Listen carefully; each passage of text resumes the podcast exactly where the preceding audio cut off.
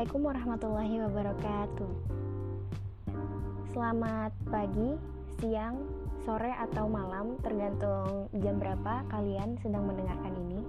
Nama saya Nadira Fasya Salsabila, dan hari ini saya ingin berbicara tentang something that's within us, sesuatu yang selalu ada bersama kita, yaitu waktu. In my opinion, Most of people think that they've got plenty of time. In fact, they're not. Jadi menurut saya eh, banyak orang berpikir bahwa mereka punya banyak waktu. Mereka punya waktu itu nggak terhitung. Padahal sebenarnya enggak. Banyak dari kita yang berpikir the time is unlimited. Padahal sebenarnya time is limited. Dan bahkan kita nggak tahu uh, batas berakhirnya waktu yang kita punya itu kapan. Jadi dia akan berakhir secara tiba-tiba aja. Gak ada yang tahu pasti kapan waktu itu akan berakhir. Karena itulah juga uh, semua orang selalu bilang jangan menyia-nyiakan waktu. Jangan membuang-buang waktu. Karena di saat kita merasa bahwa kita punya banyak waktu di saat itu juga kita sudah kehilangan waktu yang kita punya Oke, okay, saking berharganya waktu itu ya, um, banyak orang yang mempelajari bagaimana sih caranya supaya kita itu bisa memanfaatkan waktu dengan baik.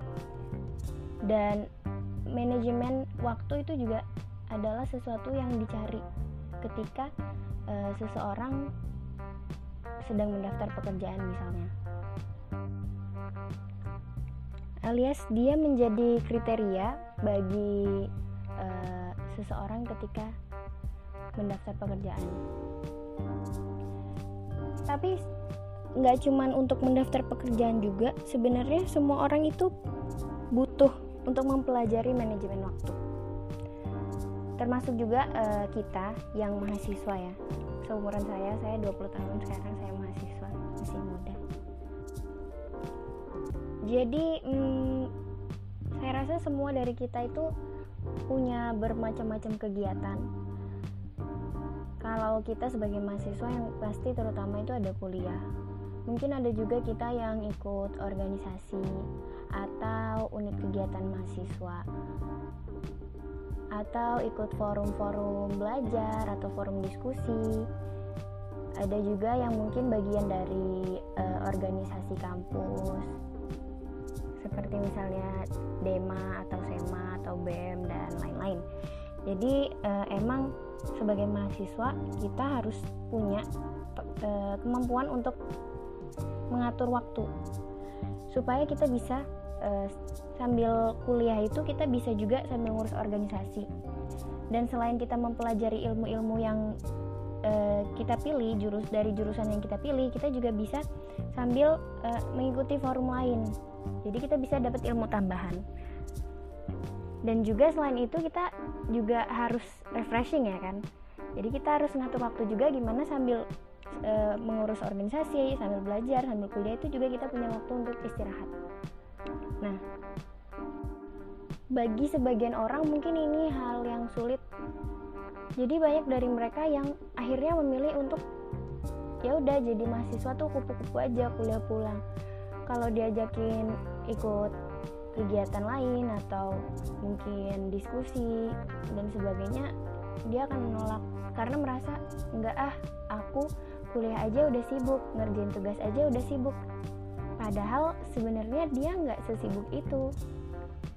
Tetapi dia nggak punya kemampuan untuk memanajemen waktu sehingga dia merasa bahwa dia nggak punya waktu.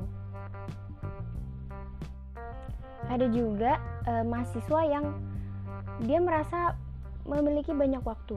Sampai akhirnya dia ikut ikut banyak UKM dia ikut ormas juga dan dia ikut forum-forum diskusi juga. Mungkin dia juga uh, punya kerja sambilan sehingga dia sendiri dalam kesehariannya itu kelimpungan. Habis ini harus ngerjain tugas habis ini harus ikut rapat habis ini harus kerja. Dan dia pusing sendiri untuk mengatur waktunya sampai-sampai dia bisa stres atau kecapean dan akhirnya itu berimbas kepada fisiknya juga.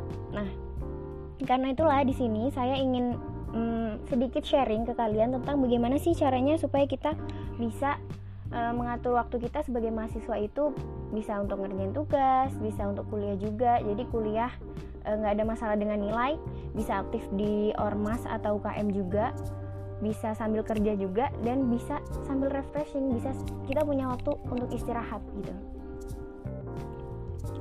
Oke, jadi uh, langsung aja ya. Ini ada beberapa tips yang saya dapat dari pengalaman pribadi dan juga sedikit wawancara atau menggali informasi dari teman-teman yang saya yakin bahwa mereka itu memiliki uh, skill manajemen waktu yang sangat baik. Jadi dari yang saya dapatkan setelah penggalian informasi ini ada uh, lima, sekitar lima tahapan, lima tips lah ya istilahnya. Langsung aja yang pertama itu adalah understanding your limits. Understanding your limits ini uh, maksudnya adalah kita sebagai seorang individu itu harus memahami batasan dari kita sendiri itu di mana sih.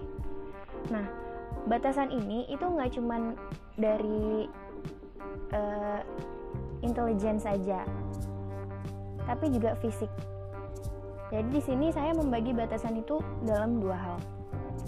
Yang pertama intelligence dan yang kedua physical. Nah, intelligence ini maksudnya adalah kemampuan kita atau waktu yang kita butuhkan untuk menyelesaikan sebuah pekerjaan. Jadi misalnya untuk makan kita butuh berapa menit, untuk mandi kita butuh berapa menit, untuk mengerjakan suatu makalah atau jurnal kita butuh berapa jam, atau mungkin berapa hari gitu.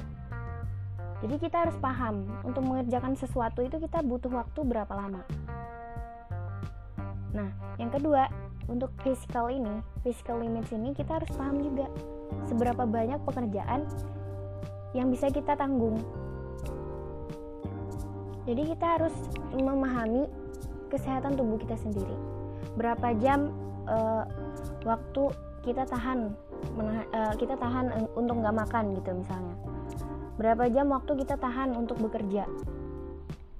Berapa jam waktu kita uh, bisa maksimal belajar gitu? Misalnya seseorang bisa fokus belajar itu setelah 15 menit dia udah capek. Ada juga yang satu jam mantengin buku nggak masalah. Jadi semua orang kan punya batasan yang berbeda-beda ada orang yang ikut berbagai macam kegiatan dalam seminggu. Itu nggak masalah. Baik fisik fisik baik fisik maupun uh, otaknya. Dia nggak ngerasa capek. Tapi ada juga orang yang mm, dengan sedikit kegiatan aja dia udah gampang merasa capek. Itu. Jadi orang itu punya uh, batasan yang berbeda-beda Nah, kalau misalnya kita adalah orang yang memiliki ketahanan tubuh yang kuat, kita kuat untuk mengikuti berbagai macam kegiatan, uh, dan otak kita juga mampu untuk mengerjakan segala sesuatu dengan cepat, maka it's okay, it's not a problem untuk kalian mengikuti uh, banyak kegiatan, as long as you can uh, handle it, gitu. Tapi ketika kita adalah orang, kalau misalnya kita adalah orang yang memiliki fisik yang lemah ya, istilahnya, kita nggak kuat untuk e, mengikuti terlalu banyak kegiatan, maka ya udah kita ambil itu secukupnya kita aja. Kita pilih kegiatan-kegiatan yang bisa kita handle aja, nggak perlu memaksakan diri. Karena di saat kita memaksakan diri, misalnya kita sebenarnya nggak sanggup untuk ikut kegiatan tuh sampai 4 5 UKM itu kita nggak sanggup tapi kita paksain. Sehingga dalam satu minggu itu kita sangat sangat sangat kelelahannya kelelahan ini ditambah lagi kita nggak menjaga kesehatan tubuh kita kita nggak menjaga pola makan kita itu akan berakibat kita akhirnya harus istirahat kita harus bed rest. Dan ketika kita harus memulihkan diri di saat itu kita nggak punya kesempatan untuk melakukan aktivitas itu tentunya akan merugikan kita juga kan? Nah di sinilah pentingnya untuk mengetahui batasan kita itu gimana di mana? Seberapa kuat kita? Seberapa uh, banyak waktu yang kita butuhkan dan bagaimana kesehatan fisik kita? Nah jadi itu yang pertama tadi ya. Jadi kalau misalnya kita adalah orang yang kuat nggak masalah untuk mengambil banyak kegiatan. Misalnya ikut UKM sampai 5, 6, 7 yang penting kuat dan bisa mengatur jadwalnya itu nggak masalah. Yang penting nggak memaksakan diri. Dan e, otak kita juga sanggup dipakai untuk berpikir dalam banyak hal tadi itu. Nah kalau misalnya kita udah mengetahui batasan kita itu di mana batasan yang kita miliki ini tadi dalam fisik maupun intelligence atau waktu yang kita butuhkan dalam menyelesaikan pekerjaan ini tadi, kita bisa lanjut ke tahap kedua, yaitu membuat jadwal. Nah, membuat jadwal ini penting banget dalam mengatur waktu dalam manajemen of time. Jadi dengan mengetahui kita mandi itu butuh berapa menit kita makan butuh berapa menit kita kerjain jurnal atau tugas kuliah itu butuh berapa menit. Kita bisa bikin jadwal dalam sehari yang harus kita lakukan apa? Dari pagi sampai malam. Kemudian biasanya kan e, aktivitas seseorang itu berotasi dalam minggu ya. Nah itulah kenapa biasanya orang-orang membuat weekly planner.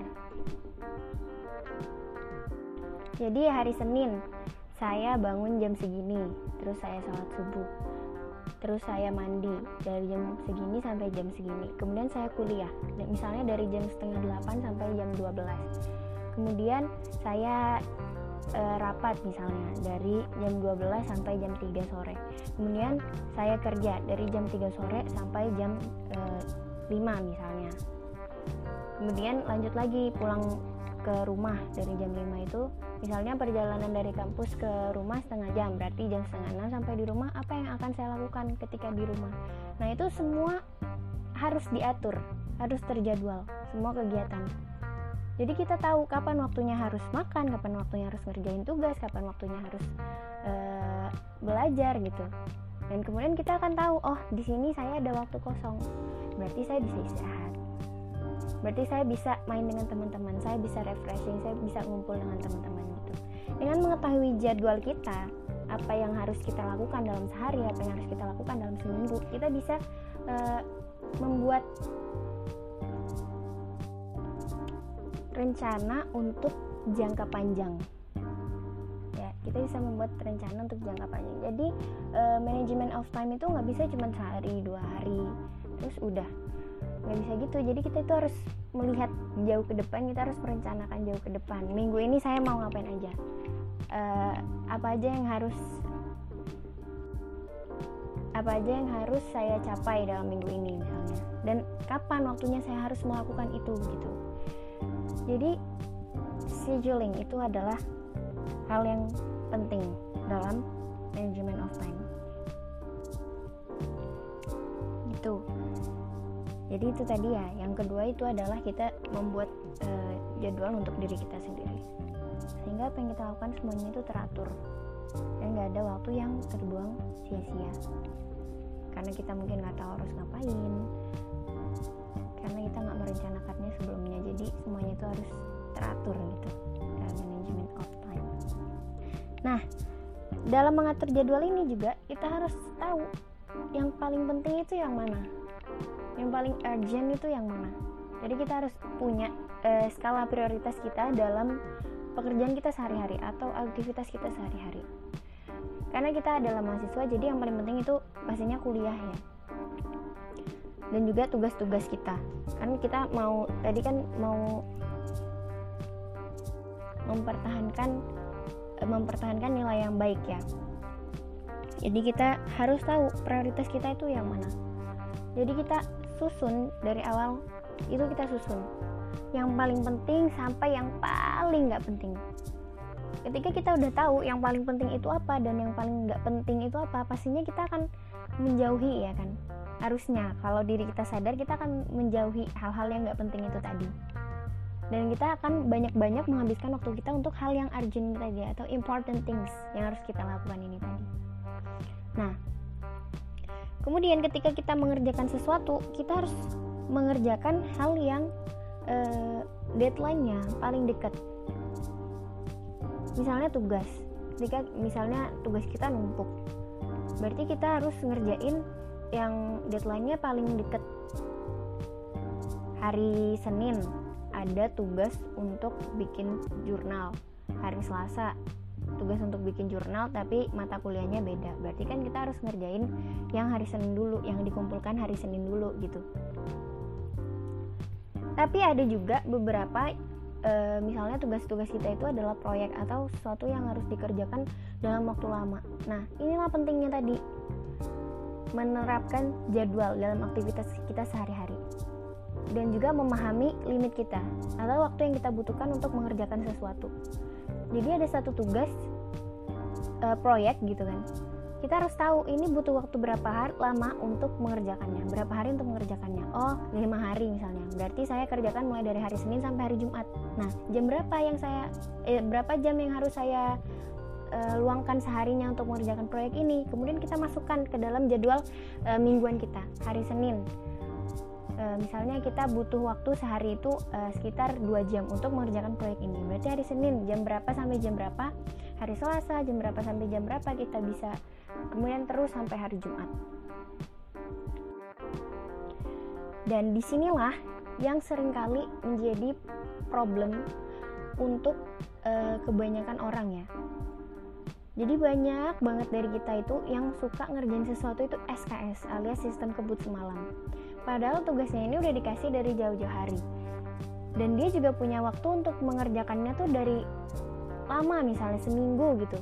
Tapi dikerjakannya malah sehari sebelum tugasnya harus dikumpulkan, sehari sebelum uh, deadline gitu. Kenapa banyak yang bilang ah nggak punya waktu, sibuk dan sebagainya. Padahal sebenarnya mereka punya waktu, tapi mereka nggak mengaturnya. Nah, inilah kenapa uh, saya bilang tadi bahwa mengetahui batasan kita itu penting. Nggak masalah Anda mau SKS kalau misalnya Anda bisa mengerjakan tugas itu malam itu juga. Dan memang nggak ada tugas lain yang harus dikerjakan. Misalnya ada tugas untuk membuat video dan kebetulan uh, fortenya kamu memang di situ. Atau kelebihanmu memang di situ mengerjakan video. Kamu suka membuat video.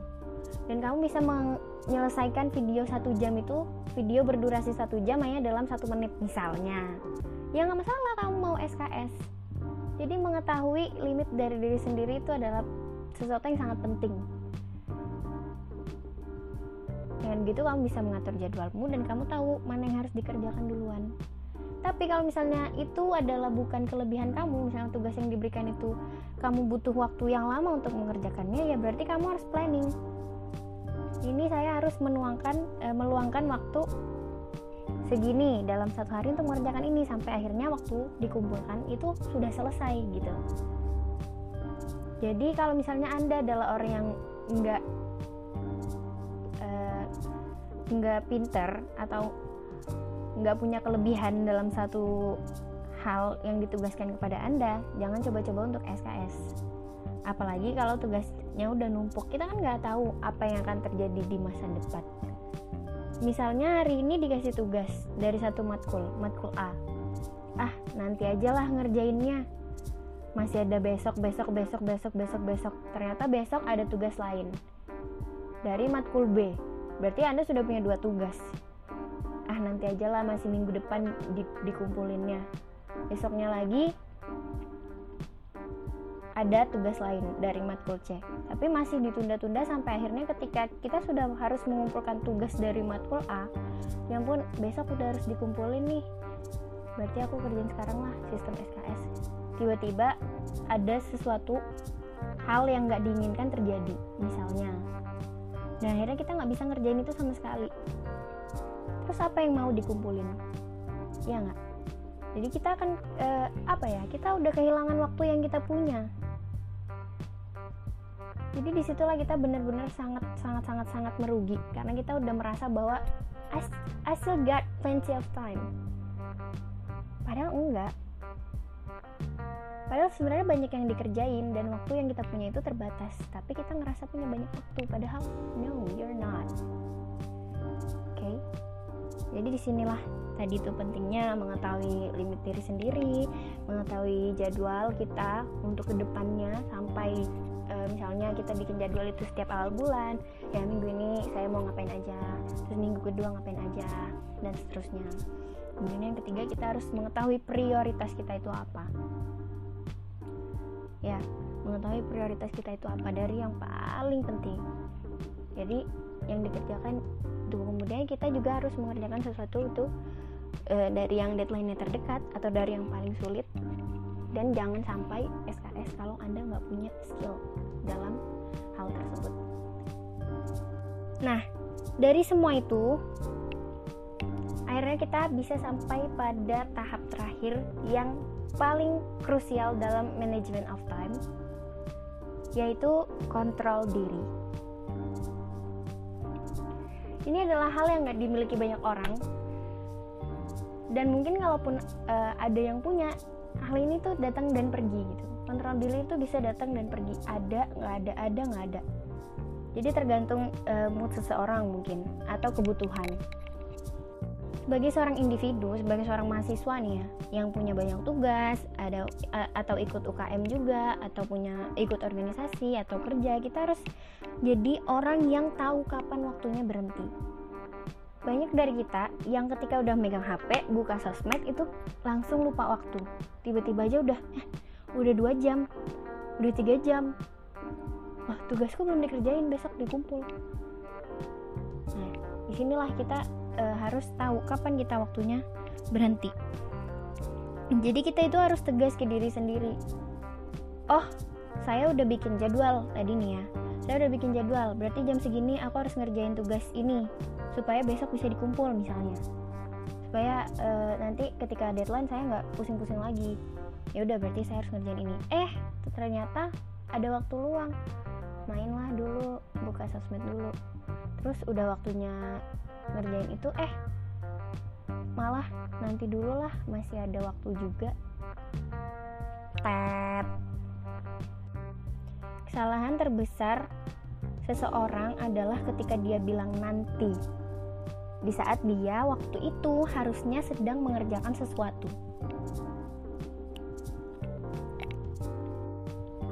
Banyak yang bilang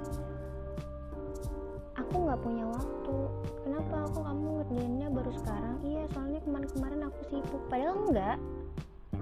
Kita sendiri tahu kita itu sibuk apa enggak. Kita sendiri sebenarnya sadar.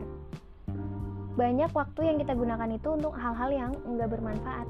Misalnya kita di main sosmed sampai lupa waktu itu tadi. Jadi ini teman saya bilang dan ini adalah sesuatu yang sangat lucu dan masuk akal sekali. Jadi teman saya yang bilang bahwa handphone atau smartphone itu adalah setan gepeng ini benar-benar masuk akal. Dan saya setuju. Karena bener kadang kalau misalnya kita udah megang HP itu kita bisa jadi kecanduan. Kayak terus-terusan dibisikin udahlah main HP aja udahlah buka sosmed aja. Makanya bener kalau setan ini eh HP ini adalah setan gepeng. Nah buat kalian yang uh, suka tenggelam kalau misalnya udah megang HP sampai lupa waktu itu kan saya bisa kasih uh, mungkin sedikit tips ya. Jadi Instagram itu punya fitur kalau misalnya kalian udah main satu jam dia akan ngasih alarm.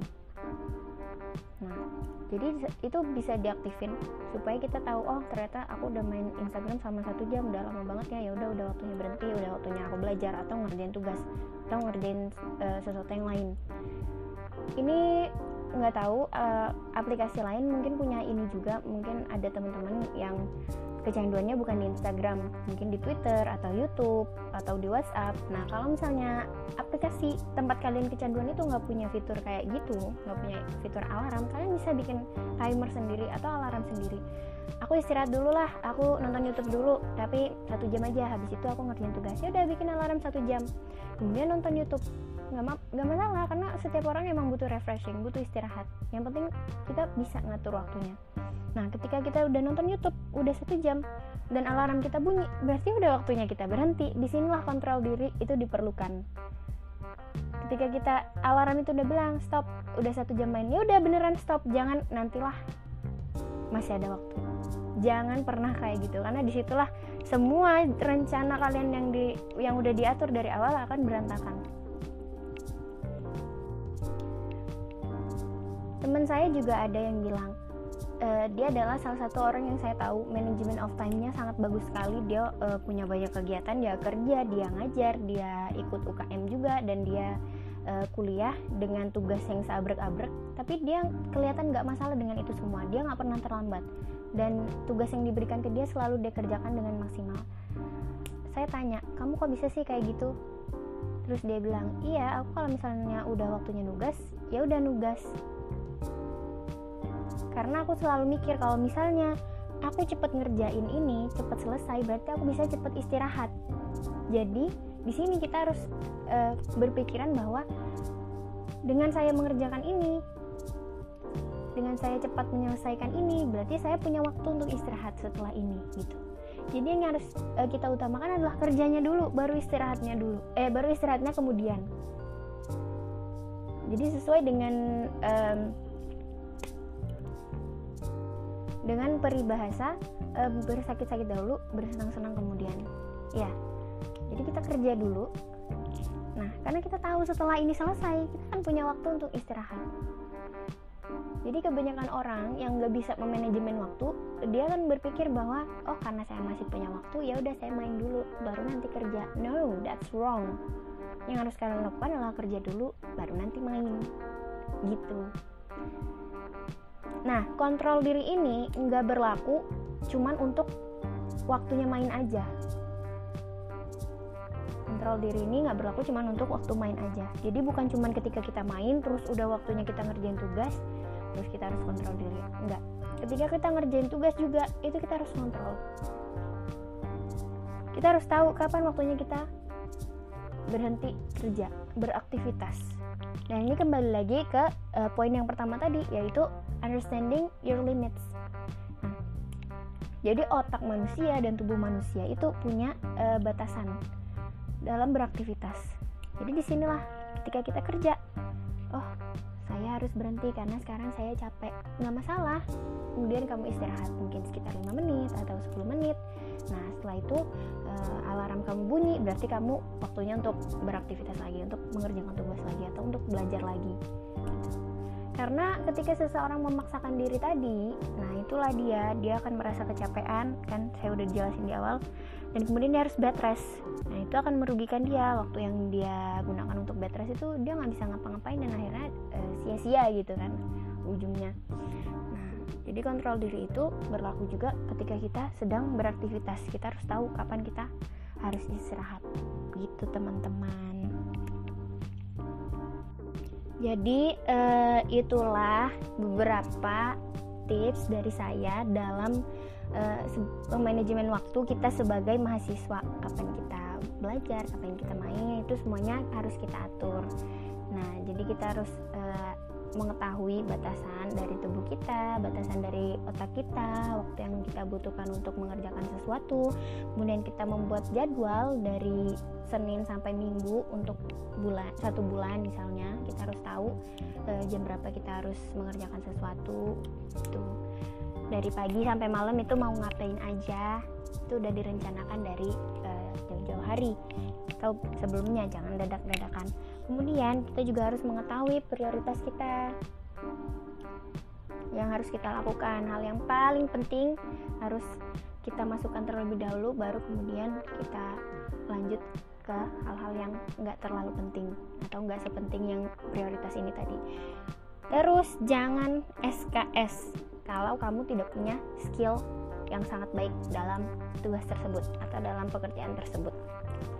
Jadi kerjakan sesuai dengan kemampuan kamu. Kemudian yang kelima, kontrol diri. Tahu kapan waktunya berhenti dan tegas ke diri sendiri. Jangan suka bilang nanti. Saya rasa segitu aja yang bisa uh, saya sampaikan ke teman-teman. Uh, semoga bisa bermanfaat buat kita semua karena ini juga saya pelajarin dari uh, kehidupan pribadi saya dan orang-orang di sekitar saya. Jadi insya Allah terbukti manjur. Oke, terima kasih sudah mendengarkan. Assalamualaikum warahmatullahi wabarakatuh.